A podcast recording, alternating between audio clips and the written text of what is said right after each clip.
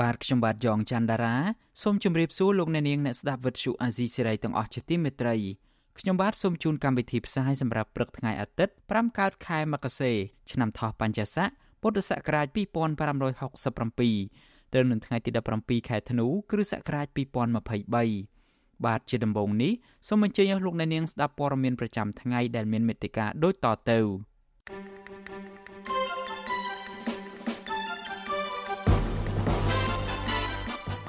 មន្ត្រីគណៈបកភ្លើងទៀនចោតអាញាធរបកកណ្ដាលអំណាចថាតាមធ្វើទុកបុកម្នេញបំបាក់ស្មារតីពួកគាត់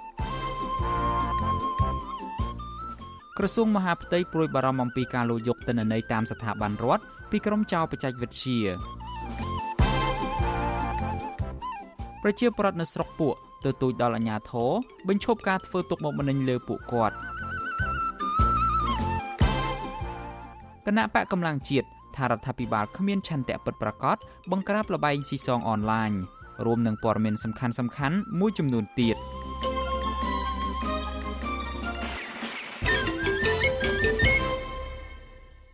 បាទជាបន្តទៅទៀតនេះខ្ញុំបាទយ៉ងច័ន្ទដារាសូមជូនព័ត៌មានទាំងនេះពឺស្ដាមន្ត្រីគណៈបកភ្លើងទៀននៅតាមខេត្តមួយចំនួនចោទអាជ្ញាធររបស់គណៈបកកណ្ដាលអំណាចថាបន្តតាមធ្វើទុកបុកម្នេញបំបាក់ស្មារតីពួកគាត់ពុំមានការថមថយនោះទេ មន្ត្រីសិទ្ធិមនុស្សអំពាវនាវដល់រដ្ឋាភិបាលឲ្យបើកលំហសេរីភាពបរដ្ឋដើម្បីឲ្យសកម្មជននយោបាយអាចអនុវត្តសិទ្ធិរបស់ពួកគាត់បានដោយពេញលេញស្របទៅតាមច្បាប់ បាទលោកច័ន្ទដារ៉ូរាយការណ៍អំពីរឿងនេះមន្ត្រីគណៈបកភ្លឹងទៀនលើកឡើងថាពួកគេចង់ឃើញរដ្ឋាភិបាលបញ្ឈប់ការធ្វើទុកបុកម្នេញលើថ្នាក់ដឹកនាំនិងសកម្មជនគណៈបកប្រឆាំងតទៅទៀតដើម្បីបើកលំហសេរីភាព ស្ដារប្រជាធិបតេយ្យ និងអនុញ្ញាតឲ្យពួកគេអាចអនុវត្តសិទ្ធិនៅក្នុងសង្គមដោយសេរីមន្ត្រីគណៈបកភ្លឹងទៀនប្រចាំខេត្តសៀមរាបលោកសៀកចំណាប់ប្រាប់វិទ្យុអាស៊ីសេរីថាអាញាធរស្លៀកពាក់ឯកសន្តាននិងស៊ីវិលប្រមាណ20នាក់បានពាត់ផ្ទះរបស់លោក នៅថ្ងៃទី15ខែធ្នូដោយគម្រាមឲ្យលោកធ្វើកិច្ចសន្យារុះរើកន្លែងចិញ្ចឹមជ្រូកលក្ខណៈគ្រួសាររបស់លោកចេញពីសង្កាត់ក្របីរៀលក្នុងរយៈពេលមួយសប្តាហ៍ដោយគ្មានលិខិតបញ្ជាក់ពីមូលហេតុលោកបញ្ជាក់ថា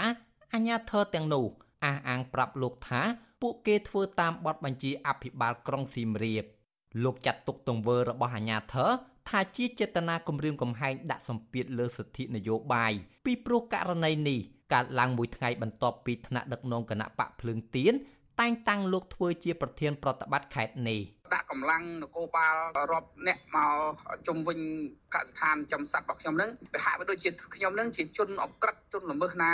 ធ្វើអីខុសច្បាប់ជាតិចឹងខ្ញុំសូមសំណូមពរឲ្យមានសេចក្តីក្លាហានបែងចែកដាច់ដោយឡែករឿងនយោបាយគឺជារឿងនយោបាយរឿងមុខរបរគឺជារឿងមុខរបរនេះបង្ហាញអំពីសេចក្តីថ្លៃថ្នូរក្នុងនាមជាអ្នកនយោបាយក្នុងនាមជាអ្នកកាន់កិច្ចការងាររដ្ឋវិទ្យុអាស៊ីស្រីមិនអាចតាក់ទងអភិបាលក្រុងសៀមរាប លោកនួនពុទ្ធេរា ដើម្បីឆ្លើយតបជុំវិញរឿងនេះបានទេ នៅថ្ងៃទី16ខែធ្នូនេះករណីរឿងនយោបាយមួយទៀតក៏បានកើតឡើងលើមន្ត្រីគណៈបកភ្លើងទៀននៅខេត្តពោធិ៍សាត់ផងដែរជំទប់ទី2ឃុំមេទឹកនិងជាលេខាបកខេត្តលោកសុកច័ន្ទថនថ្លែងថាអាញាធរបានតាមអូសទាញឲ្យលោកចុះចូលជាមួយគណៈបកប្រជាជនកម្ពុជា ដោយសន្យាផ្ដល់ទូនីតិនិងលុយកាក់ជាបន្តបន្ទាប់ លោកឲ្យដឹងថាចាប់តាំងពីពេលលោកបដិសេធនោះលោកត្រូវបានជន់មិនស្គាល់មុខតាមប៉ុនប៉ងបង្កហិង្សានៅលើដងផ្លូវជាពិសេសប៉ូលីសស្រុកបាកានក៏ហៅសាកសួរដោយគ្មានមូលហេតុជាដើមលោកថាបញ្ហានេះជំរុញឲ្យលោកនិងប្រពន្ធកូនសម្រេចរត់ភៀសខ្លួនរកទីកន្លែងមានសវត្ថភាពនៅប្រទេសថៃដើម្បីគេចពីការធ្វើទុកបុកម្នេញ។ ជារូបភាពមួយប្របាក់សតិសម្បញ្ញស្មារតីយើងហើយក៏ជារូបភាពគម្រាមទៅដល់សុខភាពរបស់យើងដែរអ្វីដែលសំខាន់នោះគឺខ្ញុំមើលឃើញថារាជរដ្ឋាភិបាលក៏ដូចជាអាជ្ញាធរគាត់ប្រឹងធ្វើគ្រប់រូបភាពដើម្បីធ្វើយ៉ាងណា បំបត្តិអ្នកដែលហ៊ានតតាំងហ៊ានតវ៉ារាល់ភាពអយុត្តិធម៌នៅក្នុងសង្គមជាពិសេសគឺក្នុងនាមខ្ញុំជាអ្នកជាប់ឆ្នោតដែលចូលរួមបម្រើប្រជាពលរដ្ឋ ឆ្លើយតបរឿងនេះអធិការស្រុកបាកានលោកនាងវុតប្រាប់វិទ្យុអាស៊ីសេរីថាអាញាធរមិនដែលធ្វើសកម្មភាពទៅគំរាមកំហែងធ្វើឲ្យប៉ះពាល់ដល់សវត្ថភាពរបស់លោកសុកចន្ទថននិងលោកសឹមម៉ៅរួមទាំងគ្រួសារម្ដងណានោះទេបើរឿងពិតខ្ញុំអត់ថាអីទេប៉ុន្តែរឿងគ្មានណាធ្វើអីក៏តោះ អត់មានទេចេះតែបំភ្លៃរឿងខ្លួនឯងម្ដងហើយម្ដងទៀតម្ដងហើយម្ដងទៀតដើម្បីទម្លាក់កំហុសពីការមិនហ៊ានរស់នៅមករស់នៅមើលបើមានបញ្ហាខ្ញុំទូខុសត្រូវទេមានបញ្ហាខ្ញុំទូខុសត្រូវប៉ុន្តែខ្លួនឯងធ្វើអីខុសច្បាប់អាហ្នឹងបើច្បាប់អឺដាក់ថាអ្នកនឹងមានកំហុសហើយត្រូវចាត់ការតាមផ្លូវច្បាប់អាហ្នឹងខ្ញុំមិនធានាទេតែយ៉ាងណាក្តីលោកសុកចន្ទថនថាការលើកឡើងរបស់អាញាធរជាការដោះសារយករួចខ្លួន ពីព្រោះកន្លងទៅសមត្ថកិច្ចទាំងនោះបំពេញការងារលំអៀងទៅរកគណៈបកកណ្ដាលអំណាចដោយធ្វើបាបអ្នកដែលមាននិន្នាការផ្ទុយឥតស្រាកស្រានជាក់ស្ដែងលោកអះអាងថា សកម្មជននយោបាយនៅមូលដ្ឋាន តែងរឹងសម្ពាធក្នុងការបំពេញការងារជាពិសេសពួកគេព្រួយបារម្ភអំពីសវត្ថភាពក្រោយរងការប្រមានដោយផ្ទាល់ឬប្រយោលផងដោយសារមិនព្រមលក់ឧត្តមកតេអ្នកនាំពាក្យសមាគមការពារសិទ្ធិមនុស្សអាត់ហុក លោកសឹងសែនករណាមើលឃើញថាមកដល់ពេលនេះសកម្មជនបកប្រឆាំងនៅតែរឹងអំពើហិង្សា ការបំផិតបំភ័យការចាប់ខ្លួននិងចោទប្រកាន់តាមផ្លូវតុលាការម្ដងហើយម្ដងទៀតដែលបញ្ហានេះធ្វើឲ្យមានការរិះគន់ពីសហគមន៍ជាតិនិងអន្តរជាតិថាជារឿងធ្វើទុកបុកម្នេញផ្នែកនយោបាយហើយនាំឲ្យកម្ពុជាដើរចាក់ឆ្ងាយពីគន្លងប្រជាធិបតេយ្យ យើងយើងអត់ចង់ឃើញរូបភាពបែបនេះកើតឡើងនៅក្នុងប្រទេសកម្ពុជាយើងទេអញ្ចឹងយើងទទូចឲ្យមានការបើកនៅលំហការគោរពសិទ្ធិមនុស្សគោរពទៅដល់សិទ្ធិសកម្មជនផ្នែកនយោបាយសកម្មជន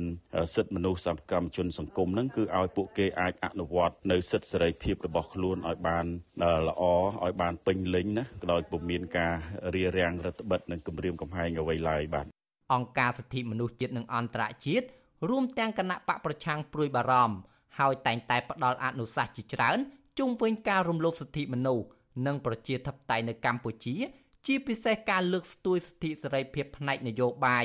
ការជួបជុំនិងសេរីភាពក្នុងការបញ្ចេញមតិឲ្យស្របតាមស្តង់ដារអន្តរជាតិដែលកម្ពុជាទទួលស្គាល់ប៉ុន្តែមកដល់ពេលនេះលោកនាយករដ្ឋមន្ត្រីហ៊ុនម៉ាណែតនៅមិនទាន់បង្ហាញជំហរដោះស្រាយបញ្ហាសំខាន់សំខាន់ដូចជាវិបត្តិនយោបាយនៅឡើយទេខ្ញុំបាទ ច័ន្ទដារោវុទ្ធុអាស៊ីសេរី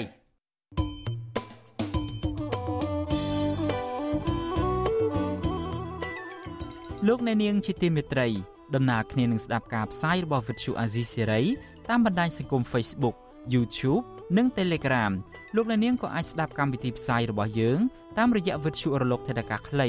ឬក៏ Shortwave បានដែរគឺតាមកម្រិតនិងកម្ពស់ដូចតទៅនេះពេលព្រឹកចាប់ពីម៉ោង5កន្លះដល់ម៉ោង6កន្លះ តាមរយៈប៉ុស SW 93.90 MHz ស្មើនឹងកម្ពស់ 32m និងប៉ុស SW 11.85 MHz ស្មើនឹងកម្ពស់ 25m ពេលយប់ចាប់ពីម៉ោង7កន្លះដល់ម៉ោង8កន្លះតាមរយៈប៉ុស SW 93.90 MHz ស្មើនឹងកម្ពស់ 32m ប៉ុស SW 11.88 MHz ស្មើនឹងកម្ពស់ 25m និងប៉ុស SW 15.15 MHz ស្មើនឹងកម្ពស់ 20m បាទសូមអរគុណ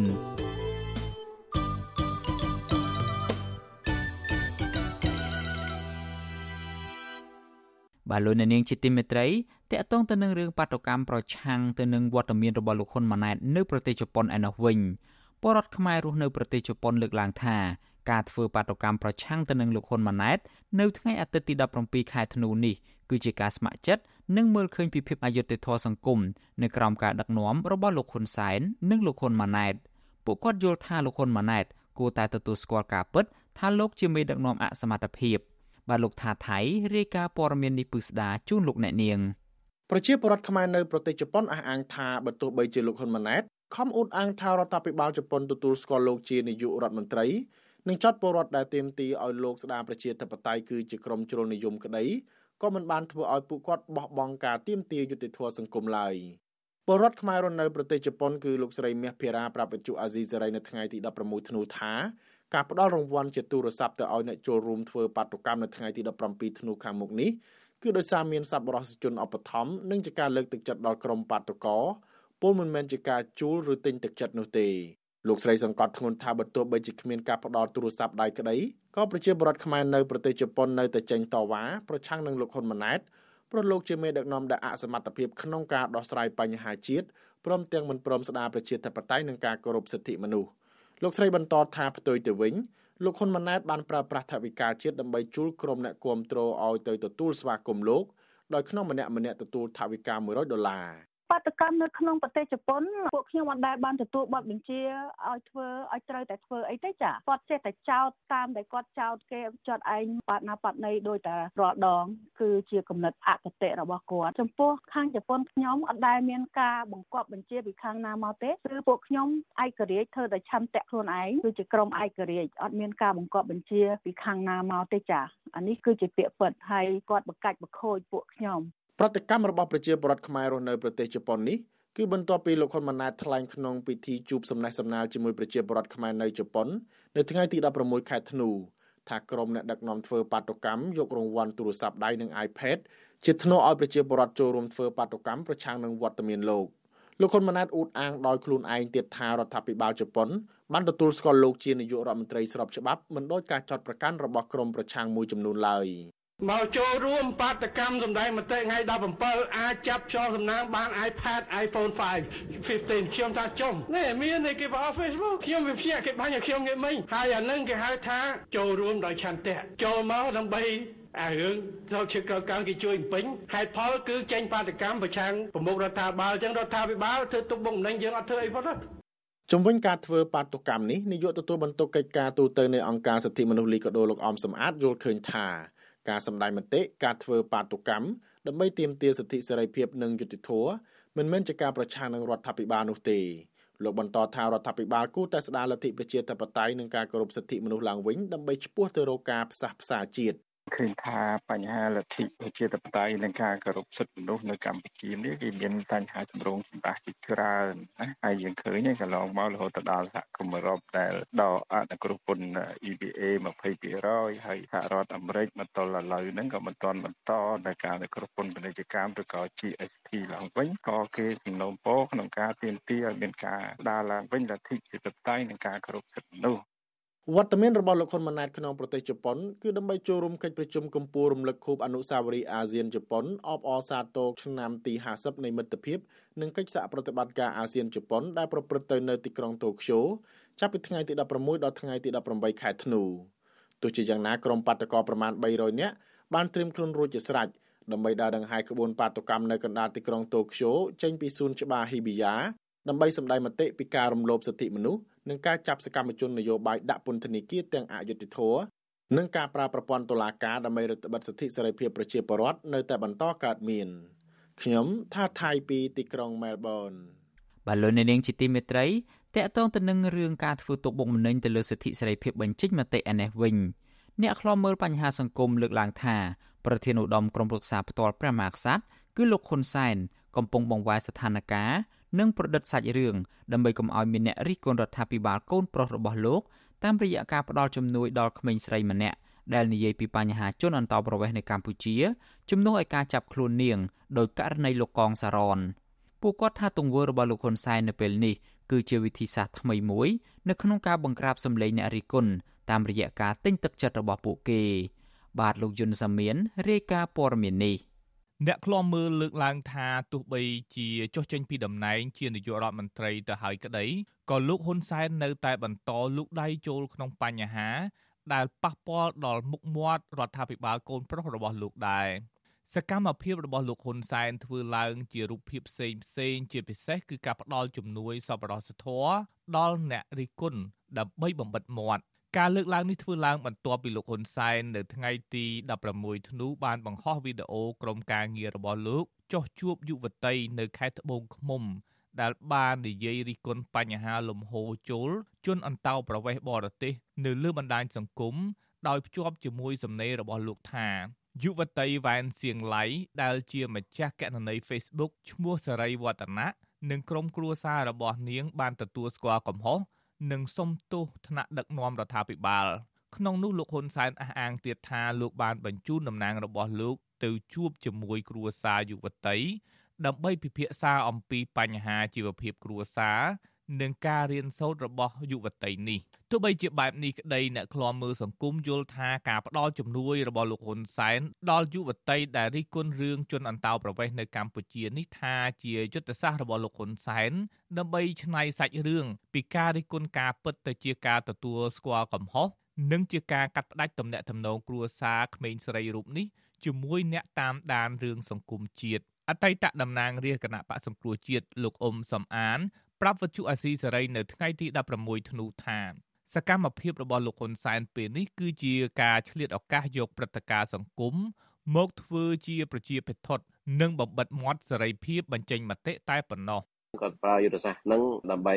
កុំឲ្យពលស្រីហ្នឹងរិះគន់ចំពោះចំណាត់ការដែលរដ្ឋាភិបាលមិនបានទប់ស្កាត់ចំពោះជនអន្តោប្រវេសន៍ខុសច្បាប់នៅកម្ពុជាហើយបើសិនជាចាប់ពលស្រីដាក់គុកប្រកាសជាមានការរិះគន់ច្រើនពីមហាជនព្រោះពលស្រីនៅក្មេងអញ្ចឹងចាប់ដាក់គុកដោយសារតែរឿងរិះគន់បញ្ហាអន្តោប្រវេសន៍ហ្នឹងគឺប្រកាសជាមហាជនរិះគន់ខ្លាំងអញ្ចឹងដូច្នេះគាត់ប្រើធัวត្រជាក់វិញជាជាងប្រើធัวក្តៅចំពោះពលស្រីហ្នឹងវត្ថុអាស៊ីសេរីមិនទាន់អាចតាក់ទងម្ចាស់កណន័យ Facebook សេរីវឌ្ឍនៈគឺយុវតីវ៉ែនសៀងឡៃ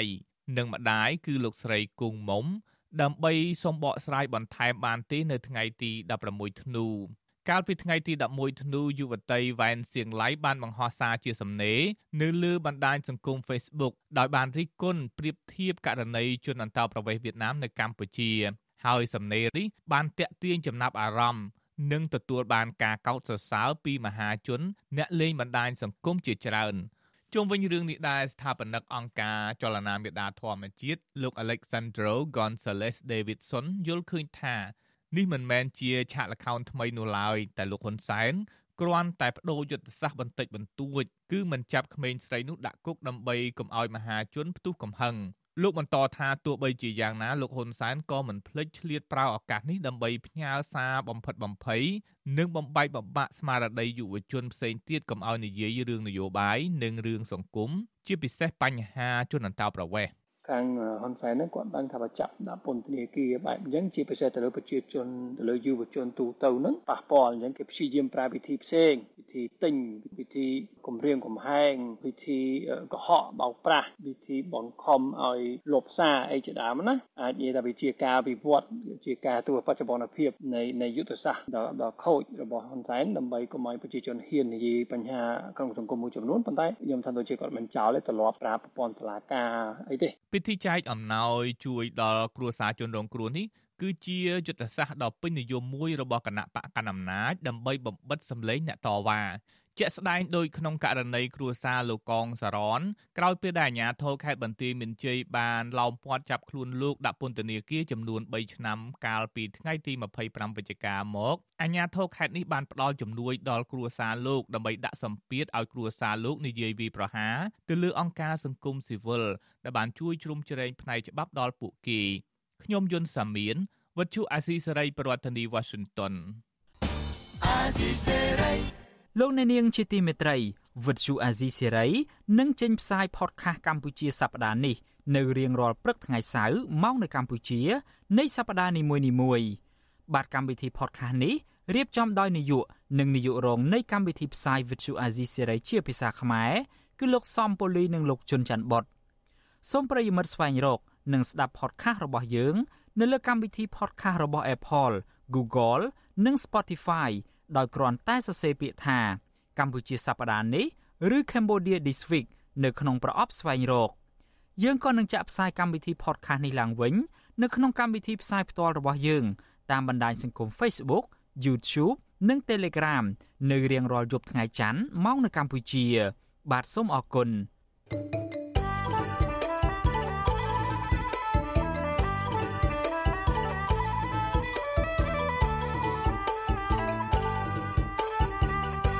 បាទលោកអ្នកនាងជាទីមេត្រីយើងងាកមកចាប់អារម្មណ៍ពាក់ព័ន្ធទៅនឹងបញ្ហាសន្តិសុខនៅលើប្រព័ន្ធអ៊ីនធឺណិតឯនេះវិញរដ្ឋមន្ត្រីក្រសួងមហាផ្ទៃលោកសសុខាព្រួយបារម្ភចំពោះការចូលលួចយកទិន្នន័យស្ថាប័នរដ្ឋពីសំណាក់ក្រុមចៅបច្ចេកវិទ្យាបរទេសឬក្រុម hacker បន្ទាប់ពីក្រុមអ្នកវិភាគការគម្រាមកំហែងតាមអ៊ីនធឺណិតនៅសហរដ្ឋអាមេរិកលើកឡើងថា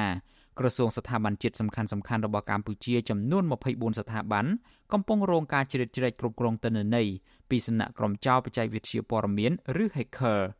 អ្នកខ្លំមើលជំរុញឲ្យរដ្ឋាភិបាលប្រជុំអន្តរក្រសួងនិងបង្កើតច្បាប់ថ្មីដើម្បីការពារទិន្នន័យរបស់ជាតិបាទកញ្ញាខាន់លក្ខណារាយការណ៍ព័ត៌មាននេះរដ្ឋមន្ត្រីក្រសួងមហាផ្ទៃលោកសសុខា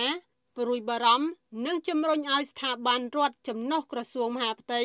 ត្រូវយកចិត្តទុកដាក់ក្នុងការគ្រប់គ្រងទិន្នន័យរបស់ខ្លួនឲ្យមានសុវត្ថិភាពក្រោយក្រសួងស្ថាប័នជាតិសំខាន់សំខាន់នៅកម្ពុជាត្រូវបានក្រុមចៅបច្ចេកវិទ្យាឬ Hacker ចិនចូលលួចយកទិន្នន័យ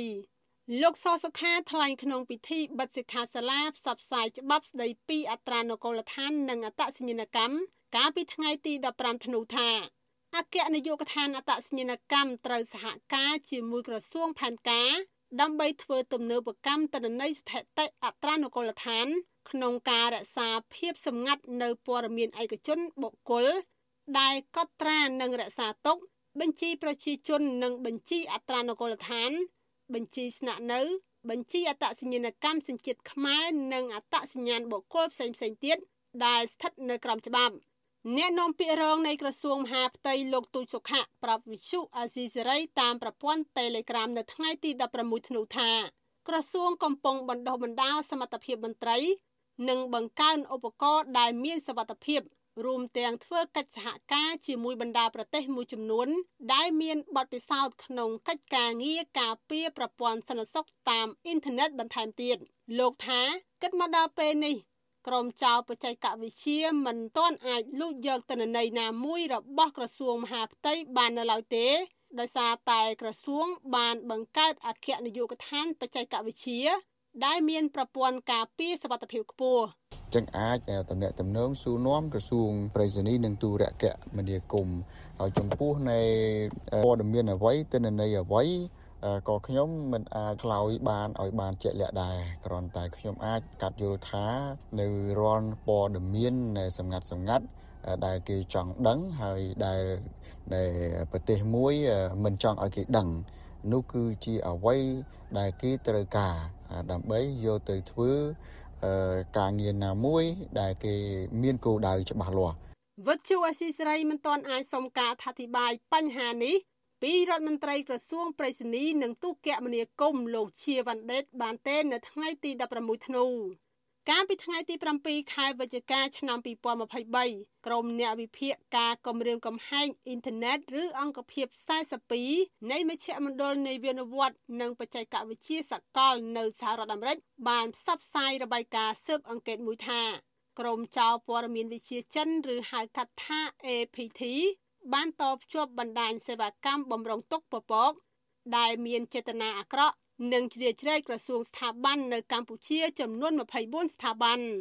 ស្ថាប័នទាំងនោះរួមមានក្រសួងការពារជាតិគណៈកម្មាធិការជាតិរៀបចំការបោះឆ្នោតគណៈកម្មាធិការសិទ្ធិមនុស្សក្រសួងសេដ្ឋកិច្ចនិងហិរញ្ញវត្ថុក្រសួងពាណិជ្ជកម្មក្រសួងប្រៃសណីនិងទូកមនាគមន៍និងស្ថាប័នគ្រប់គ្រងលើធនធានធម្មជាតិជាដើម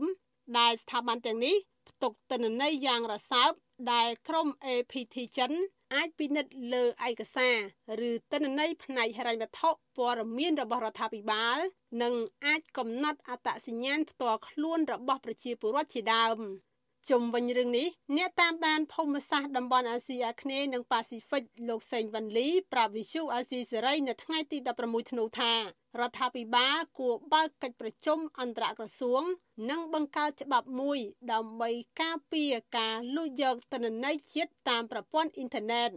លោកថាប្រសិនបើកម្ពុជាមិនមានប្រព័ន្ធការពារទិន្នន័យជាតិនោះទេក្រុមចៅបច្ចេកវិទ្យានឹងលួចយកទិន្នន័យផ្ទៃក្នុងរបស់ជាតិបន្តទៀត យើងរក្សាឯកសារទាំងអស់នៅក្នុង server ហើយក្នុង server ហ្នឹងគេអាចចូលដោយមានប្រព័ន្ធអ៊ីនធឺណិតបានក៏តែបើសិនជាអត់មានប្រព័ន្ធការពារដើម្បីកុំឲ្យពួក hacker ហ្នឹងចូលទៅ server របស់រដ្ឋទេ server របស់ក្រសួងស្ថាប័នក្រសួងស្ថាប័នរដ្ឋទេតនន័យជាតិមួយចំនួនហ្នឹងត្រូវបានពួកហ្នឹងលួចបន្លំហើយអាការទទួលបានតនន័យសន្តិសុខសេដ្ឋកិច្ចឬក៏សង្គមឬក៏នយោបាយរបស់ជាតិហ្នឹងវានឹងបង្កហានិភ័យដល់សន្តិសុខឬក៏បរមភាពជាតិឬក៏អធិបតេយ្យរបស់ជាតិ កាលពីថ្ងៃទី8ខែវិច្ឆិកាកាសែត The Washington Post បានរាយការណ៍ស្រង់ប្រសាសន៍អ្នកជំនាញសិក្សាសន្តិសុខចិននៅមូលនិធិ Gentown លោកโจម៉ាក្រេណូថាវិសាលភាពនៃការឈ្លានពានរបស់ក្រុម APT ចិននេះមានអត្តន័យទូលំទូលាយខណៈចិនមានអនុភាពខ្លាំងលើកម្ពុជា ហើយមន្ត្រីលោកខាងលិចថាចិនកំពុងសាងសង់មូលដ្ឋានកងទ័ពជើងទឹក សម្រាប់ប្រើប្រាស់យោធាផ្ដាច់មុខនៅកម្ពុជាលោកបន្តថានៅពេលប្រទេសចិននិងកម្ពុជាបន្តពង្រឹងកិច្ចសហប្រតិបត្តិការនោះវាមានសារៈសំខាន់សម្រាប់ប្រទេសចិនប្រមូលព័ត៌មានសម្ងាត់ពីកម្ពុជាខ្ញុំខណ្ឌលក្ខណាវិសុអាស៊ីសេរីអាស៊ីសេរីលោកអ្នកនាងកំពុងស្ដាប់ការផ្សាយរបស់វិទ្យុអាស៊ីសេរីពីរដ្ឋធានី Washington នៃសហរដ្ឋអាមេរិក រដ្ឋមន្ត្រីក្រសួងការបរទេសរបស់ចិន លោកវ៉ាងយីបានប្រាប់រដ្ឋមន្ត្រីការបរទេសកម្ពុជាលោកសុកចិន្តាសោភា នៅឯទីក្រុងប៉េកាំងកាលពីថ្ងៃទី7ខែធ្នូថារដ្ឋាភិបាលចិនត្រៀមខ្លួនរួចជាស្រេចនៅក្នុងកិច្ចសហការជាមួយកម្ពុជា នៅក្នុងការបង្ក្រាបលបែងស៊ីសងតាមអ៊ីនធឺណិតនិងឧក្រិដ្ឋកម្មឆ្លងដែនដើម្បីលុបបំបាត់ក្រុមឧក្រិដ្ឋជន ដែលពាក់ព័ន្ធឲ្យបានហ្មត់ចត់និងការពារស្ថិរភាពសង្គមនៅក្នុងតំបន់ ការថ្លែងរបស់រដ្ឋមន្ត្រីការបរទេសចិននេះគឺនៅស្របពេលដែលលបែងស៊ីសងខុសច្បាប់តាមប្រព័ន្ធអ៊ីនធឺណិតជាច្រើនពាក់ព័ន្ធទៅនឹងជនជាតិចិនកំពុងរាលដាលមកលើប្រទេសមួយចំនួននៅក្នុងតំបន់អាស៊ីអាគ្នេយ៍ដូចជាកម្ពុជាឡាវហ្វីលីពីននិងមីយ៉ាន់ម៉ាជាដើមបាទលោកអ្នកនាងនឹងបានស្ដាប់សេចក្តីរាយការណ៍នេះពឹស្ដានៅក្នុងពេលបន្តិចទៀតនេះ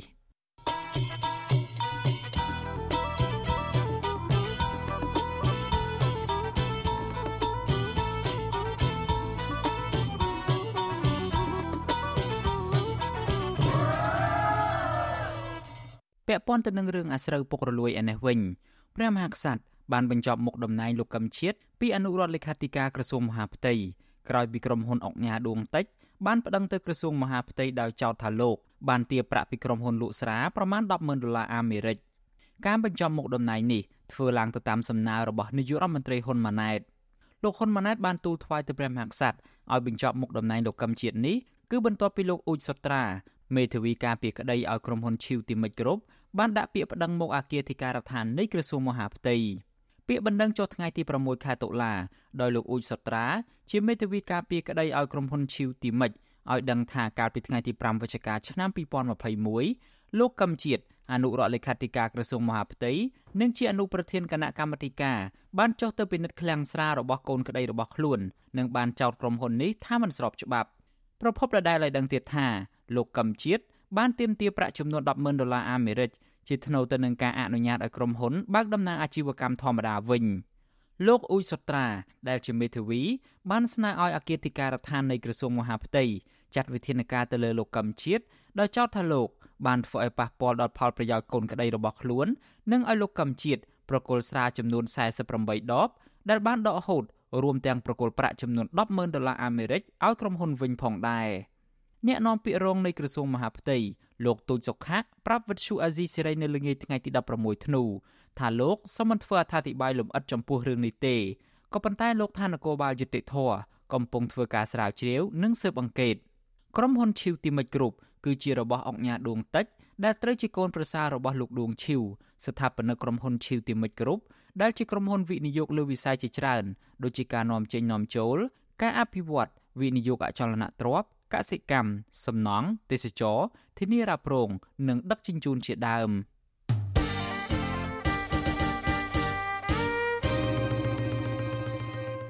បាទលោកនាងជាទីមេត្រីយើងងាកទៅចាប់អារម្មណ៍តកតទៅនឹងស្ថានភាពរបស់ប្រជាពលរដ្ឋនៅក្នុងស្រុកពួកខេត្តសៀមរាបវិញប្រជាពលរដ្ឋបានដង្ហែញត្តិទៅដាក់នៅសាលាឃុំខ្នាតដើម្បីស្នើដល់អាជ្ញាធរឲ្យបញ្ឈប់សកម្មភាពធ្វើទុកបុកម្នេញទៅលើការរស់នៅរបស់ពលរដ្ឋក្នុងតំបន់នេះ។ មន្ត្រីអង្គការសង្គមស៊ីវិលលើកឡើងថាតំបន់នេះស្ថិតនៅឆ្ងាយពីតំបន់ប្រាសាទនិងស្នើដល់រដ្ឋាភិបាលកំណត់សិទ្ធិរបស់អាជ្ញាធរអប្សរាឲ្យបានច្បាស់លាស់បាទអ្នកស្រីម៉ៅសុធានីរាយការណ៍ព័ត៌មាននេះ បរដ្ឋប្រមាណ400នាក់នៅឃុំខ្នាតស្រុកពួកខេត្តសៀមរាបនៅថ្ងៃទី16ខែធ្នូប្រមូលផ្ដុំគ្នាតាមភូមិនីមួយនីមួយហើយដង្ហែញត្តិទៅដាក់សាលាឃុំថ្នាក់សុំអាជ្ញាធរឲ្យបញ្ឈប់សកម្មភាពរបស់អាជ្ញាធរជាតិអប្សរាដែលបង្កការលំបាកដល់ការរស់នៅរបស់ពលរដ្ឋ ពួកគាត់បាននាំគ្នាកាន់រូបថតក្រុមគូសាថ្នាក់ដឹកនាំរដ្ឋាភិបាល រួមមានលោកនាយករដ្ឋមន្ត្រីហ៊ុនម៉ាណែតលោកហ៊ុនសែននិងភរិយា ហើយបានកាន់បដាពសដែលពួកគាត់បានសរសេរថាយើងទាំងអស់គ្នាមិនអោយអាជ្ញាធរជាតិអប្សរា បន្តគៀបសង្កត់ពួកគាត់ទៀតឡើយយើងក៏តែហ៊ានតស៊ូមកទុកប្រឆាំងជាមួយអាជ្ញាធរអន្តរជាតិព្រោះអាជ្ញាធរអន្តរជាតិមិនបានមកជួយប្រជាពលរដ្ឋនិងជីវ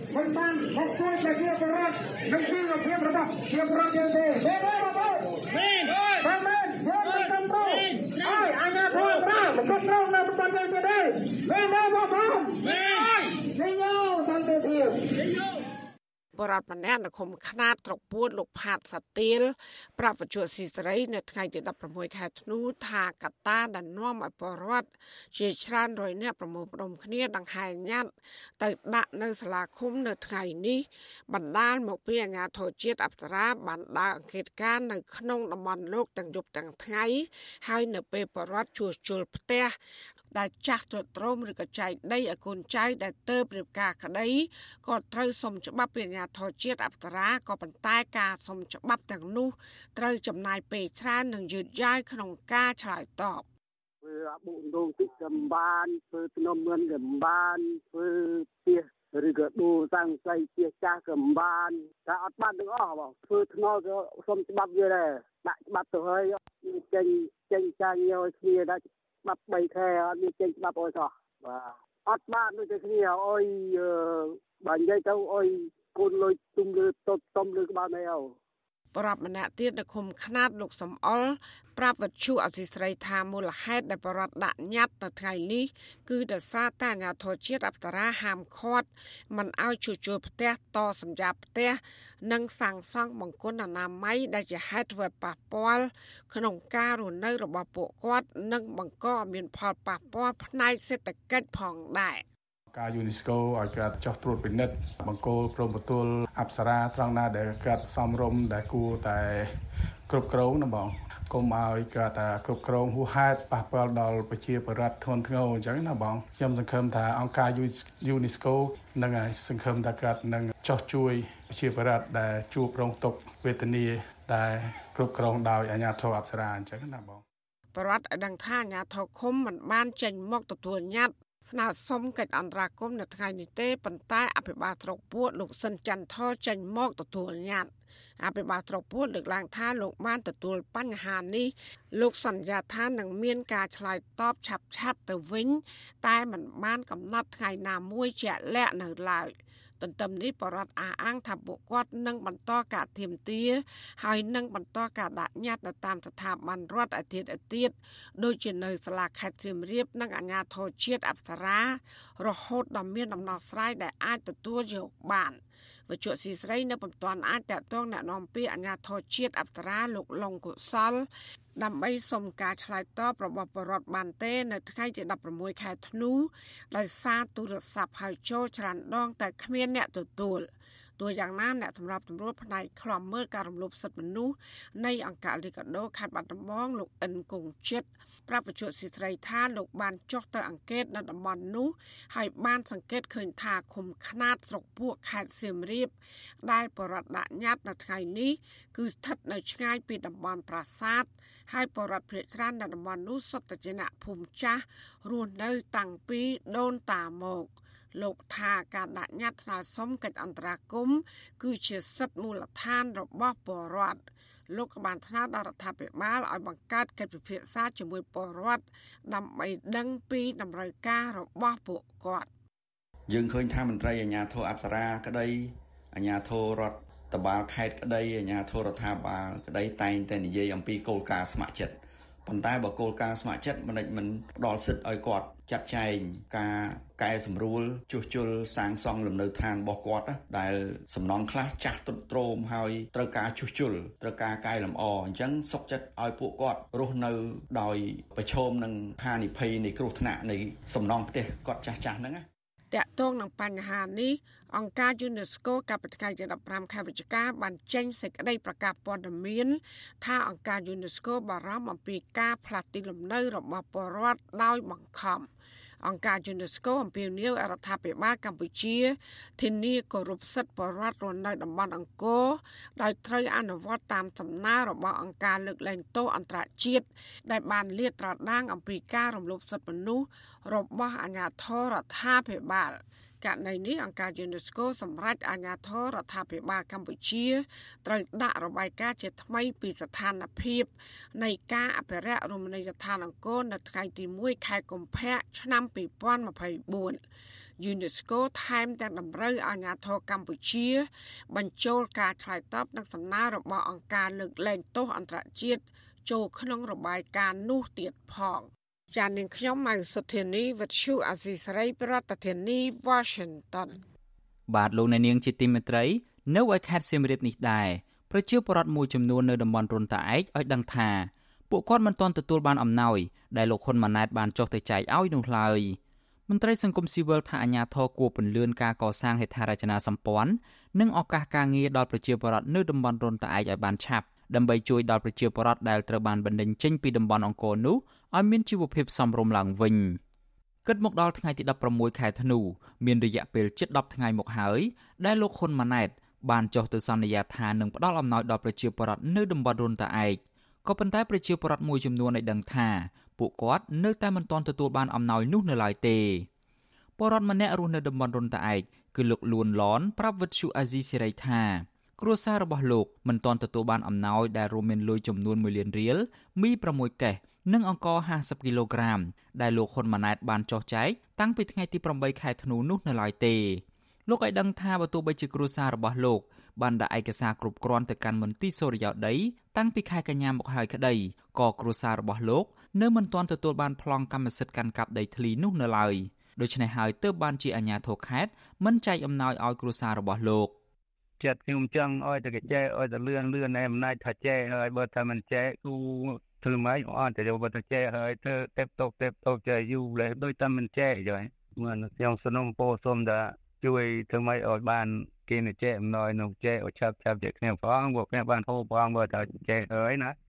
ស្រដៀងគ្នានេះប្រជាពលរដ្ឋម្នាក់ទៀតរស់នៅតំបន់រុនតាឯកដែលរៀបរាប់ប្រាប់វិទ្យុអាស៊ីសេរីនៅក្នុងលក្ខខណ្ឌសុំមិនបញ្ចេញឈ្មោះឲ្យដឹងថា ដោយសារតែមន្ទីរសូរិយោដីមិនទាន់ចេញបានកម្មសិទ្ធិដីធ្លីឲ្យគ្រួសារកូនរបស់លោក នៅតែមិនទាន់ទទួលបានអំណោយនោះទេលោកបន្តថាគ្រួសាររបស់លោកកាន់តែប្រឈមនឹងជីវភាពលំបាកដោយសារតែលោកនិងប្រពន្ធត្រូវចំណាយថ្លៃសាំងធ្វើដំណើរទៅធ្វើការនៅក្នុងក្រុងសៀមរាបខណៈរថយន្តក្រុង10គ្រឿងដែលលោកនាយរដ្ឋមន្ត្រីហ៊ុនម៉ាណែតប្រកាសថានឹងដឹកប្រជាពលរដ្ឋនៅតំបន់រុនតាឯកទៅមកក្រុងសៀមរាបដោយមិនគិតថ្លៃនោះនៅមិនទាន់ដំណើរការនៅឡើយទេ វាមានបញ្ហាប្រឈមច្រើនហើយព្រោះយើងវាទៅឆ្ងាយពីការងារវានៅឆ្ងាយដែរអត់មែននៅជិតដូចមុនមកពីមុនខ្ញុំនៅមុខអង្គរអីទេខ្ញុំធ្វើការវាទាំងប្តីទាំងប្រពន្ធតែឥឡូវវានៅឆ្ងាយបងសាំងវាចុះច្រើនដែរកាលពីថ្ងៃទី8ខែធ្នូលោកហ៊ុនម៉ាណែតបានប្រកាសថានឹងអភិវឌ្ឍតំបន់រុនតាឯកឲ្យคล้ายទៅជាទីក្រុងក្រៅពីចែកអំណោយបញ្ចូលក្របខ័ណ្ឌទៅដល់គ្រូបង្រៀននិងគ្រូពេទ្យជាប់កិច្ចសន្យាជាថ្នូវឲ្យពួកគាត់បន្តធ្វើការនៅតំបន់រុនតាឯកហើយនោះ លោកហ៊ុនម៉ាណែតក៏បានសន្យាផ្ដល់រថយន្តក្រុងចំនួន10គ្រឿងដើម្បីដឹកប្រជាពលរដ្ឋចេញពីតំបន់រុនតាឯកទៅមកក្រុងសៀមរាបដោយឥតគិតថ្លៃទៀតផង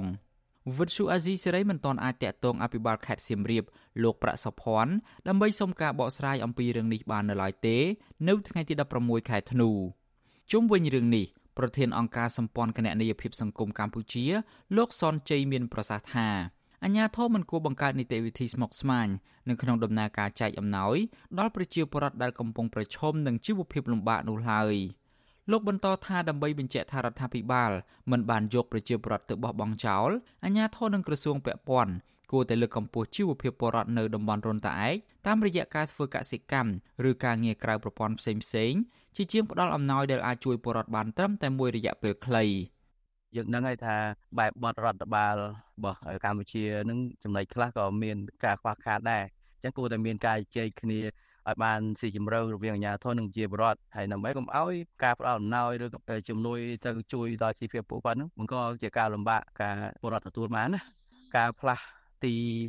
ឬក៏ចន្លោះចែងពីកន្លែងដើមទៅរុនតឯកហ្នឹងខ្ញុំយល់ថាវាគឺជាការលំបាកមួយរបស់គាត់ទៅហើយ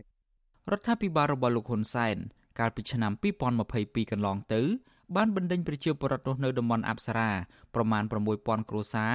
ដោយបង្ខំឲ្យទៅរស់នៅតំបន់រុនតាឯកក្រោមហេតុផលខ្លាចអង្គការ UNESCO ដកតំបន់ប្រាសាទអង្គរចេញពីបញ្ជីបេតិកភណ្ឌពិភពលោកក៏ប៉ុន្តែការលើកឡើងនេះត្រូវបានអង្គការ UNESCO បដិសេធថាមិនមែនជាការពិតនោះទេ ហើយអង្គការ UNESCO បានចាត់ទុកការជំលះពលរដ្ឋចេញពីលំនៅឋាន ដែលបានរស់នៅតាំងតែពីដូនតាក្នុងតំបន់អង្គរនោះថាធ្វើឲ្យប៉ះពាល់ទៅដល់សិទ្ធិរបស់ប្រជាពលរដ្ឋធ្ងន់ធ្ងរ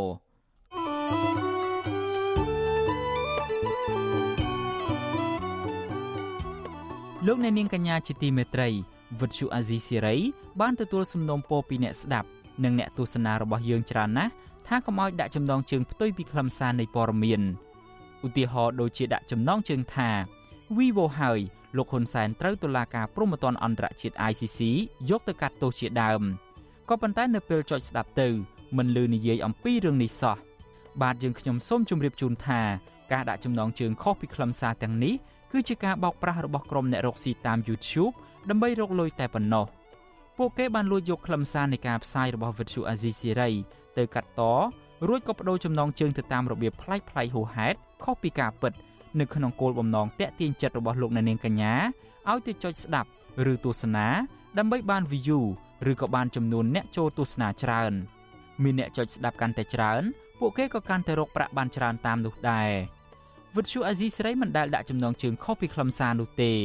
លោកអ្នកនាងកញ្ញាអាចចូលរួមទប់ស្កាត់ការបោកប្រាស់ទាំងនេះបានដោយឈប់ចុចស្ដាប់ឬក៏ទស្សនាការចុះផ្សាយណា ដែលដាក់ចំណងជើងខុសប្លែកគួរឲ្យសង្ស័យទាំងនេះ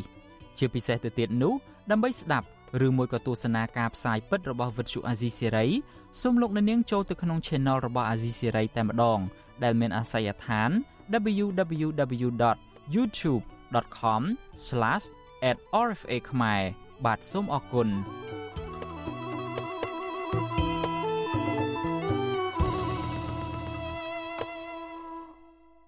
លោកអ្នកនាងកំពុងស្ដាប់ការផ្សាយរបស់ Vuthu Azizi Siri ពីរដ្ឋធានី Washington នៃសហរដ្ឋអាមេរិករដ្ឋមន្ត្រីក្រសួងការបរទេសរបស់ចិន លោកវ៉ាងយីបានប្រាប់រដ្ឋមន្ត្រីការបរទេសកម្ពុជាលោកសុកចិន្តាសោភា នៅឯទីក្រុងប៉េកាំងកាលពីថ្ងៃទី7ខែធ្នូថារដ្ឋាភិបាលចិនត្រៀមខ្លួនរួចជាស្រេចនៅក្នុងកិច្ចសហការជាមួយកម្ពុជា នៅក្នុងការបង្ក្រាបលបែងស៊ីសងតាមអ៊ីនធឺណិត និងឧក្រិដ្ឋកម្មឆ្លងដែនដើម្បីលុបបំបាត់ក្រុមឧក្រិដ្ឋជន ដែលពាក់ព័ន្ធឲ្យបានហ្មត់ចត់និងការពារស្ថិរភាពសង្គមនៅក្នុងតំបន់ការថ្លែងរបស់រដ្ឋមន្ត្រីការបរទេសចិននេះគឺនៅស្របពេលដែលលបែងស៊ីសងខុសច្បាប់តាមប្រព័ន្ធអ៊ីនធឺណិតជាច្រើនពាក់ព័ន្ធទៅនឹងជនជាតិចិនកំពុងរាលដាលមកលើប្រទេសមួយចំនួននៅក្នុងតំបន់អាស៊ីអាគ្នេយ៍ដូចជាកម្ពុជាឡាវហ្វីលីពីននិងមីយ៉ាន់ម៉ាជាដើមបាទសូមលោកអ្នកនាងស្ដាប់សេចក្តីរាយការណ៍ព័ត៌មាននេះរបស់លោកសេកបណ្ឌិតដូចតទៅ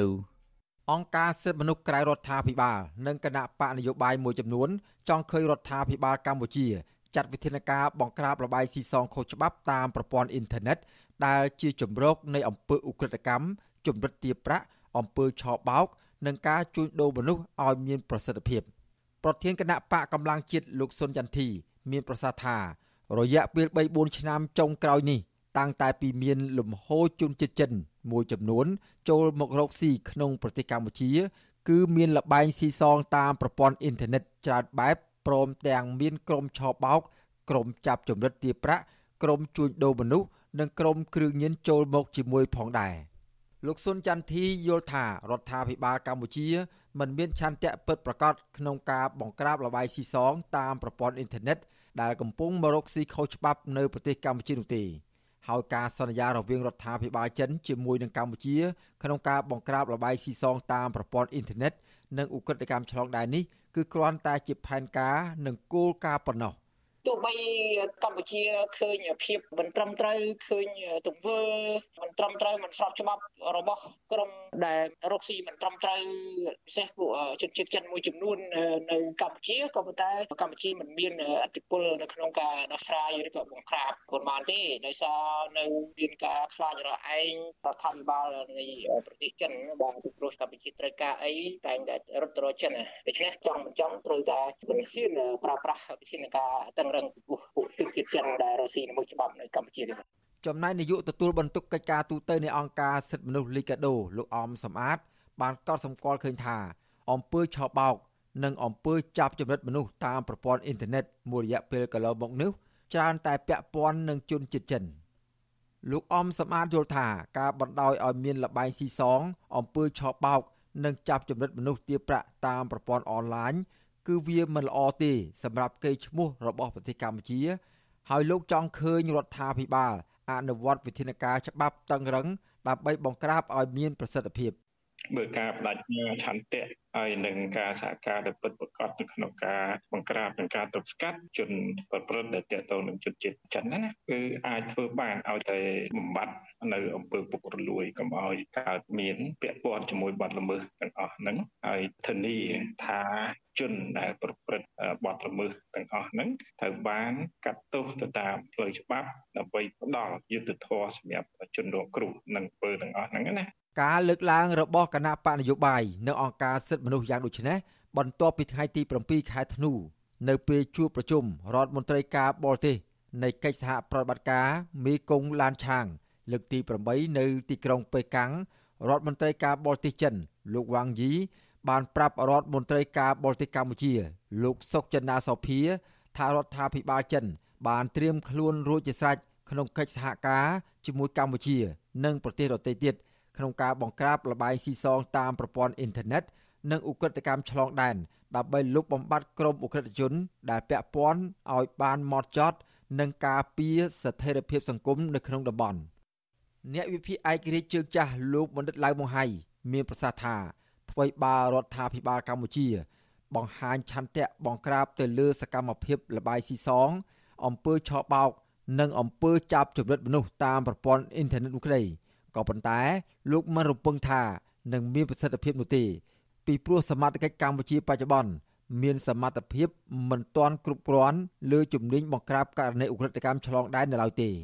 ដូចយើងទៅសប្តាហ៍នេះគឺដូចជាបកាបត់បានការចប្រងពីជនទុច្ចរិតហ្នឹងបាទបើតាមមើលទៅនេះជាអកតកម្មមានអកតកម្មខ្លះថាអកតកម្មឆ្លងដែនហ្នឹងយើងក៏ពិបាកដែរគឺអត់ទាន់មានបទពិសោធន៍គ្រប់គ្រាន់ណា គេហទំព័រភាសាអង់គ្លេសឈ្មោះ AGB Asia Gambling Prize បានចេញផ្សាយកាលពីថ្ងៃទី8ខែធ្នូថាចិនគឺជាប្រទេសដែលមានលបែងស៊ីសងច្រើនជាងគេ គឺស្ទើរតែពាក់កណ្ដាលនៃចំនួនលបែងខុសច្បាប់ទាំងអស់នៅលើពិភពលោកលបែងស៊ីសងខុសច្បាប់ទាំងនេះ បានរីករាលដាលទៅប្រទេសហ្វីលីពីន កម្ពុជាមីយ៉ាន់ម៉ានិងប្រទេសឡាវដោយប៉ាន់ប្រមាណជាទឹកប្រាក់ប្រហែល425,000លានដុល្លារអាមេរិក នៅក្នុងប្រទេសកម្ពុជាលបាយស៊ីសងខុសច្បាប់តាមប្រព័ន្ធអ៊ីនធឺណិតបានកើតមានខ្លាំងចាប់តាំងពីមានលំហូរជនជាតិចិនចូលមករកស៊ីនៅក្នុងខេត្តព្រះសីហនុកាលពី3 4ឆ្នាំមុននេះវត្តមានជនជាតិចិនមួយចំនួន កំពុងធ្វើឲ្យកម្ពុជា មានវិបត្តិសង្គមជាច្រើន និងអំពើឧក្រិដ្ឋកម្មដូចជាអំពើឆបោកអំពើចាប់ចរិតមនុស្សតាមប្រព័ន្ធអ៊ីនធឺណិតការបាញ់សម្លាប់មនុស្សអំពើជួញដូរគ្រឿងញៀននិងការជួញដូរមនុស្ស ព្រមទាំងការលាងលុយកខ្វក់ជាដើមទោះយ៉ាងណាវិទ្យុអាស៊ីសេរីនៅពុំទាន់អាចសុំការអធិប្បាយពីអ្នកនាំពាក្យក្រសួងមហាផ្ទៃលោកទូចសុខៈនិងអ្នកនាំពាក្យក្រសួងការបរទេសលោកអានសុខឿនបាននៅឡើយទេនៅថ្ងៃទី26ខែធ្នូដោយសារតែលោកទាំងពីរមិនទទួលទូរស័ព្ទក៏ប៉ុន្តែកាលពីខែសីហាឆ្នាំ2019ក្រសួងមហាផ្ទៃនៃប្រទេសកម្ពុជាធ្លាប់បានប្រកាសបិទអាជីវកម្មលបែងស៊ីសងតាមប្រព័ន្ធអ៊ីនធឺណិត ធ្វើឲ្យជនជាតិចិនប្រមាណ40ម៉ឺននាក់ចាក់ចេញពីខេត្តប្រសេនុនៅដើមឆ្នាំ2020នាយកអង្គការសិទ្ធិមនុស្សអាត6លោកនីសុខា មានប្រសាសន៍ថាបើទោះបីជារដ្ឋាភិបាលធ្លាប់មានចំណាត់ការ បង្ក្រាបលបែងស៊ីសងតាមប្រព័ន្ធអ៊ីនធឺណិតធ្វើឲ្យជនជាតិចិនជាច្រើនម៉ឺននាក់នៅខេត្តប្រសេនុបានចាក់ចេញក្តីក៏ប៉ុន្តែបច្ចុប្បន្ននេះនៅតាមកន្លែងជាច្រើន គឺនៅតែមានលបែងស៊ីសង និងអំពើចាប់ចម្រិតមនុស្សទាប្រាក់ តាមអ៊ីនធឺណិតកើតមាននៅឡើយលោកនីសុខាចង់ឃើញសមត្ថកិច្ចរដ្ឋាភិបាលអនុវត្តវិធានការច្បាប់ឲ្យបានម៉ឺងម៉ាត់ក្នុងការបង្ក្រាបលបែងស៊ីសង និងអំពើចាប់ជំរិតមនុស្សទាប្រាក់តាមប្រព័ន្ធអ៊ីនធឺណិតទាំងនោះឲ្យមានប្រសិទ្ធភាព កម្ពុជាមិនគួរคลายទៅជាទីតាំងនៃកន្លែងដែលមិនត្រឹមត្រូវឬក៏កន្លែងដែលប្រព្រឹត្តនៅអំពើធ្វើឲ្យមានភាពអសន្តិសុខដែលវាអាចជះឥទ្ធិពលមិនល្អមកដល់ប្រទេសយើងពិសេសគឺវាអាចជះឥទ្ធិពលទៅដល់បញ្ហាភ្ញៀវទេសចរផ្សេងផ្សេងឬក៏អ្នកចង់ចូលមកក្នុងប្រទេសយើងដែលគេមានការបារម្ភអំពីបញ្ហាអសន្តិសុខទាំងអស់ហ្នឹងទេអញ្ចឹងយើងចង់ឃើញរដ្ឋាភិបាលកម្ពុជា មានធានការឲ្យបានច្បាស់លាស់និងឲ្យបានម៉ឺងម៉ាត់កុំឲ្យមានជនប្រព្រឹត្តឬក៏អ្នកដែល នៅពីក្រោយខ្នងនៃការប្រព្រឹត្តអំពើទាំងអស់នឹងណាមួយត្រូវបានរួចខ្លួនបាទនេះដែលយើងចង់ឃើញអង្គការសិទ្ធិមនុស្សឲ្យដឹងទៀតថាការបណ្តែតបណ្ដោយឲ្យលបាយស៊ីសងតាមប្រព័ន្ធអ៊ីនធឺណិតនៅតែបន្តកើតមានយ៉ាងដូចនេះបានធ្វើឲ្យក្រមប្រឹក្សាអង្គការសហប្រជាជាតិទទួលបន្ទុកសិទ្ធិមនុស្សក៏មានកង្វល់ព្រមទាំងចេញរបាយការណ៍ស្ដីពីការកើនឡើងនៃអំពើឆបោកការចាប់ចម្រិតនិងបទល្មើសផ្សេងៗទៀតតាមប្រព័ន្ធអ៊ីនធឺណិតនៅប្រទេសកម្ពុជាដែរ អង្គការសិទ្ធិមនុស្សយល់ឃើញថាអំពើឆបោកការចាប់ចម្រិតមនុស្សតាមប្រព័ន្ធអនឡាញរួមទាំងការបាញ់សម្លាប់និងអំពើជួញដូរមនុស្សជាដើមក្រៅតែពីធ្វើឲ្យកម្ពុជាប៉ះពាល់កេរ្តិ៍ឈ្មោះយ៉ាងខ្លាំងវាក៏ធ្វើឲ្យប៉ះពាល់ដល់សន្តិសុខនិងសុវត្ថិភាពរបស់ប្រជាពលរដ្ឋព្រមទាំងធ្វើឲ្យភ្ញៀវទេសចរនិងអ្នកវិនិយោគទុនបរទេសភ័យខ្លាចមិនហ៊ានចូលមកលេងនិងរកស៊ីនៅប្រទេសកម្ពុជាថែមទៀត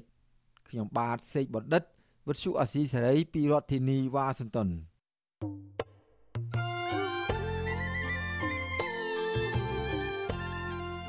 លោកអ្នកនាងជាទីមេត្រី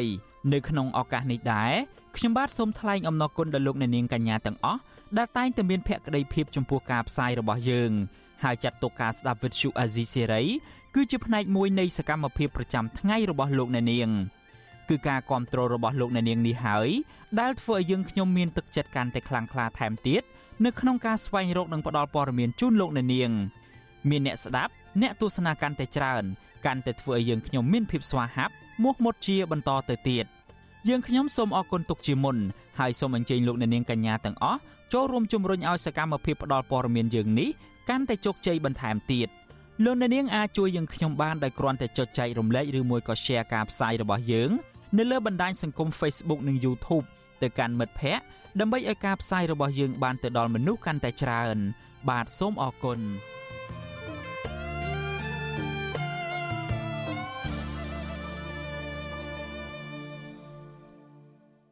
បាទលោកអ្នកនាងជាទីមេត្រីយើងងាកមកចាប់អារម្មណ៍ពាក់ព័ន្ធទៅនឹងស្ថានភាពជីវភាពរបស់អ្នករត់កង់3ឯនេះវិញ កត្តាជីវភាពខ្វះខាតបានធ្វើឲ្យអ្នករត់កង់3ឬតុកតុកមួយចំនួននៅភ្នំពេញត្រូវបង្ខំចិត្តចេញរកស៊ីដឹកភ្ញៀវទាំងប្រថុយប្រឋាននៅពេលយប់ទោះបីជាពេលខ្លះពួកគាត់ត្រូវប្រឈមទៅនឹងបញ្ហាចោរកម្មនិងជន់ឆោបោកជាញឹកញាប់ក៏ដោយមន្ត្រីសង្គមស៊ីវិលលើកឡើងថាអាញាធរពពាន់គួរតែគិតគូរពីសវត្ថភាពសម្រាប់អ្នករកស៊ីក្រៅប្រព័ន្ធឲ្យបានត្រឹមត្រូវជាជាងទុកពួកគាត់ចោលបាទសូមលោកអ្នកនាងស្ដាប់សេចក្តីរាយការណ៍មួយទៀត របស់អ្នកស្រីម៉ៅសុធានីអំពីរឿងនេះដូចតទៅអ្នកប្រកបរបរសេដ្ឋកិច្ចក្រៅប្រព័ន្ធមួយចំនួន នៅតាមដងផ្លូវនិងសួនសាធារណៈក្នុងរាជធានីភ្នំពេញដូចជាអ្នកលក់ដូរចាប់ហួយនិងអ្នករត់រមាក់កង់3ជាដើមប្រឹងប្រដៅរកស៊ីទាំងយប់ចាប់ពីម៉ោង6ល្ងាចដល់ម៉ោង7ព្រឹកទោះបីពេលខ្លះប្រឈមអំពើចោរកម្មនិងការឆោបោកពីជនខលខូចនោះក្តី កំពុងដេកចាំព្យានៅលើកង់3របស់ខ្លួននៅម៉ោង9យប់នៅជាប់ផ្សារស្ទឹងមានជ័យលោកលោះសន្រាបច្ចុប្បន្នរស់នៅក្នុងសង្កាត់ស្ទឹងមានជ័យក្រុងភ្នំពេញប្រាប់បច្ចុប្បន្នស៊ីស្រីថាលោកប្រកបរបររត់កង់3ជាង5ឆ្នាំមកហើយដោយរត់តែពេលយប់ប៉ុណ្ណោះដោយសារលោកត្រូវទទួលបន្ទុកមើលថែទាំកូននៅឯផ្ទះចំណែកឯប្រពន្ធធ្វើការងារនៅរោងចក្រពេលថ្ងៃបរិវ័យ40ឆ្នាំមកពីខេត្តកំពង់ស្ពឺរូបនេះ លើកឡើងថាលោកចេញរត់កង់3ចាប់ពីម៉ោង6ល្ងាចរហូតដល់ម៉ោង7ព្រឹកទៅចូលផ្ទះវិញលោកថាជារៀងរាល់ថ្ងៃរកចំណូលបានជាមធ្យមពី30000ទៅ50000រៀលក្នុងមួយយប់បរោះដែលមានកូនពីរនាក់ក្នុងបន្ទុករូបនេះឲ្យដឹងទៀតថាការចេញរត់កង់3នៅពេលយប់ពេលខ្លះលោកស្ទើរតែបាត់បង់ជីវិតដោយសារតែត្រូវចោលលួចឆក់ទូរស័ព្ទនិងគំរាមទាលុយជាញឹកញាប់ ខណៈភ្ញៀវខ្លះទៀតមិនព្រមឲ្យលុយនោះទេ ហើយហក់ចុះពីលើកង់3រត់គេចខ្លួន បាត់ត្រមោលក៏មានហានិភ័យខ្ពស់ដោយសារពេលយប់ភាគច្រើនសម្បូរអ្នកសវឹងអីចឹងទៅណាខ្លាចយើងខ្លាចប៉ះពីហើយទី2ជួនកាលយើងដឹកទៅជួនកាលបានលុយទេជួនកាលអត់លុយទេហើយទី2ភាគច្រើនបញ្ហាចោលឆក់ជួនកាលចោលឆក់លើនៅលើកង់3ឆក់ឆក់បបោកឬក៏ទូរស័ព្ទភ្ញៀវចឹងបាទ ដល់ពេលអញ្ចឹងរត់ជប់មានហានខ្លាំងប៉ុន្តែចំណុចយើងត្រូវវារត់បើអត់រត់វាមានចំណូលចូលផ្ទះពីប្រាប់ម្នាក់ទៀតកំពុងតែដេកលេងទូរស័ព្ទនៅលើរមាក់កង់3របស់ខ្លួននៅម៉ោង7:10យប់នៅក្បែរបរិយាចំការដងខណ្ឌដង្កោលោកច័ន្ទកុសលអះអាងថាលោកប្រកបរបររត់កង់3ទាំងប្រថុយប្រឋាននៅពេលយប់គឺដោយសារតែជីវភាពខ្វះខាត ហើយលោកត្រូវរកលុយដើម្បីបង់ថ្លៃធនាគារការសិក្សារបស់កូន ហើយនឹងថ្លៃផ្ទះជួលជាដើម ដែលត្រូវចំណាយចន្លោះពី300ទៅ400ដុល្លារក្នុងមួយខែលោកកសលមានត្រកកំណើតនៅខេត្តតាកែវមានកូនម្នាក់នៅក្នុងបន្ទុក ឲ្យដឹងទៀតថាអ្នករត់កង់3ភាគច្រើនបារម្ភពីសុវត្ថិភាពខ្លាំងនៅពេលយប់ជ្រៅហើយលោកពំសៅហ៊ានទទួលភ្ញៀវដែលហៅផ្ទាល់នោះទេដោយសារភាគច្រើន គឺសម្បូរទៅដោយក្រុមក្មេងទំនើងនិងជនឆោបបោកដែលលោកធ្លាប់ជួបជាញឹកញាប់ចំណែកភ្ញៀវដែលលោកទទួលដឹកសម្រាប់តែភ្ញៀវដែលបានកក់តាមរយៈអាបរបស់ក្រុមហ៊ុនប៉ុណ្ណោះលោកក៏ទទូចអាជ្ញាធរនៅតាមខណ្ឌនីមួយៗ គួរតែដាក់បង្រៀនកងកម្លាំងប៉ូលីសយាមកាមតាមផ្លូវឲ្យបានច្រើន ដើម្បីងាយស្រួលអបរដ្ឋស្វែងរកអន្តរាគមន៍ឲ្យបានលឿននៅពេលដែលជួបប្រទះបញ្ហាចោរកម្មឬអំពើហិង្សាជាដើមយើងបន្ថយបន្ថានខ្លះដែរអានឹងបញ្ហាហ្នឹងវាមិនមែនថាមានសុវត្ថិភាពរហូតទេបើយើងយប់ប្រលប់វាចូលមុខនឹងបញ្ហាគ្រោះថ្នាក់ចរាចរណ៍ផងអីផង វាមើលមិនឃើញអញ្ចឹងណាហ្នឹងបើសិនជាមានខាងប៉ូលីសខាងអីគាត់គាត់បង្រាយកម្លាំងអីពេលយប់ប្រលប់អីជួយការពារសន្តិសុខក៏វាល្អមួយយ៉ាងដែរតកតងនឹងកង្វល់របស់បរដ្ឋរត់កង់3នេះអ្នកនាំពាក្យសាលារាជធានីភ្នំពេញលោកមេតមាសភក្តីប្រាប់បច្ចុប្បន្នស៊ីស្រីតាមប្រព័ន្ធ Telegram នៅថ្ងៃទី12ខែធ្នូដោយសរសេរយ៉ាងខ្លីថាករណីចោរកម្មឬការឆោបោកនេះ អាញាធរពពាន់បានដោះស្រាយជាហូរហែហើយលោកថាបើសិនជាមានករណីនេះមែនអាចដាក់ពាក្យបណ្ដឹងមកអាញាធរពពាន់ទោះយ៉ាងណាអ្នករត់រមាក់កង់3នៅក្នុងរាជធានីភ្នំពេញភ ieck ច្រើនប្រាប់បច្ចុប្បន្នស៊ីស្រីស្តីងគ្នាថានៅពេលដែលពួកគេជួបបញ្ហាចោរកម្មឬបញ្ហាភៀងមិនព្រមបង់លុយឲ្យនោះគឺតែងតែមានការទាស់សម្ដីប្រាំអំពើហិង្សាឲ្យពួកគាត់ តែងតែដាក់ពាក្យប្តឹងទៅអាជ្ញាធរតាមខណ្ឌនៅកន្លែងកើតហេតុក៏ប៉ុន្តែពុំបានទទួលដំណោះស្រាយនោះឡើយផ្ទុយទៅវិញពួកគេអះអាងថាមានអ្នករត់កង់3ខ្លះប្រឈមការប្តឹងផ្តល់និងការចាប់ខ្លួន ដើម្បីទារលុយពីសំណាក់ប៉ូលីសយាមកាមនៅពេលយប់ដោយសារតែមានភ្ញៀវខ្លះលួចដាក់គ្រឿងញៀនក្នុងរមាក់កង់3របស់ពួកគាត់ហើយនៅពេលដែលភ្ញៀវចុះបាត់ទៅ គេឃើញប៉ូលីសចេញមុខស្ទាក់ចាប់អ្នករត់កង់3រួចចោទថាជាអ្នកជួញដូរគ្រឿងញៀនតែកតិននឹងរឿងនេះប្រធាន សមាគមប្រជាធិបតេយ្យឯករាជ្យនៃសេដ្ឋកិច្ចក្រៅប្រព័ន្ធលោកវុនពៅ ប្រាប់បច្ចុប្បន្នស៊ីស្រី នៅថ្ងៃទី12ខែធ្នូថាករណីចោរកម្មការឆោបោកនិងការប្រើអំពើហិង្សាលើអ្នករកស៊ីក្រៅប្រព័ន្ធជាពិសេសគឺអ្នករត់រមាក់កង់3នេះ គឺជាបញ្ហាមួយក្នុងចំណោមបញ្ហាជាច្រើនដែលអាជ្ញាធរពាក់ព័ន្ធគួរតែរកដំណោះស្រាយជូនពួកគាត់ហើយចំណុចមួយទៀតរដ្ឋគួរតែរៀបចំបង្កើនសេវាទេសចរក៏ដូចជាសេវាកម្មធ្វើយ៉ាងណាឲ្យសេដ្ឋកិច្ចដំណើរការល្អឡើងវិញឲ្យពួកគាត់រកប្រាក់ចំណូលបានខ្ពស់អញ្ចឹងគាត់កាត់បន្ថយនៃការប្រកបមុខរបរលើសម៉ោងដោយសពថ្ងៃនេះហើយអញ្ចឹងខ្ញុំគិតថាវាជាចំណុចមួយដែលរដ្ឋត្រូវគិតគូរផងដែរអ្នកប្រកបរបររត់រមាក់កង់3ឬតុកតុក ភាគច្រើនរំពឹងថារដ្ឋាភិបាលនឹងគិតគូរដល់ពួកគាត់តាមរយៈការផ្ដល់កិច្ចគាំពារសង្គមនិងការធានានៅសុខសុវត្ថិភាពជូនពួកគាត់ឲ្យបានត្រឹមត្រូវលោកវុនពៅឲ្យដឹងទៀតថាអ្នករត់កង់3ទូទាំងប្រទេសមានប្រមាណ20000នាក់ក្នុងនោះគឺ10000នាក់ជាសមាជិកសមាគមរបស់លោកលោកវុនពៅបញ្ជាក់ថាអ្នករត់កង់3ប្រមាណ90% ជាប់បំណុលឲ្យពួកគេជួបការលំបាកខ្លាំងមួយរយៈចុងក្រោយនេះដោយសារតែរកប្រាក់ចំណូលមិនសូវបាន។ចានាងខ្ញុំម៉ៅសុធានីវិទ្យុអាស៊ីស្រី ប្រធានាធិបតី Washington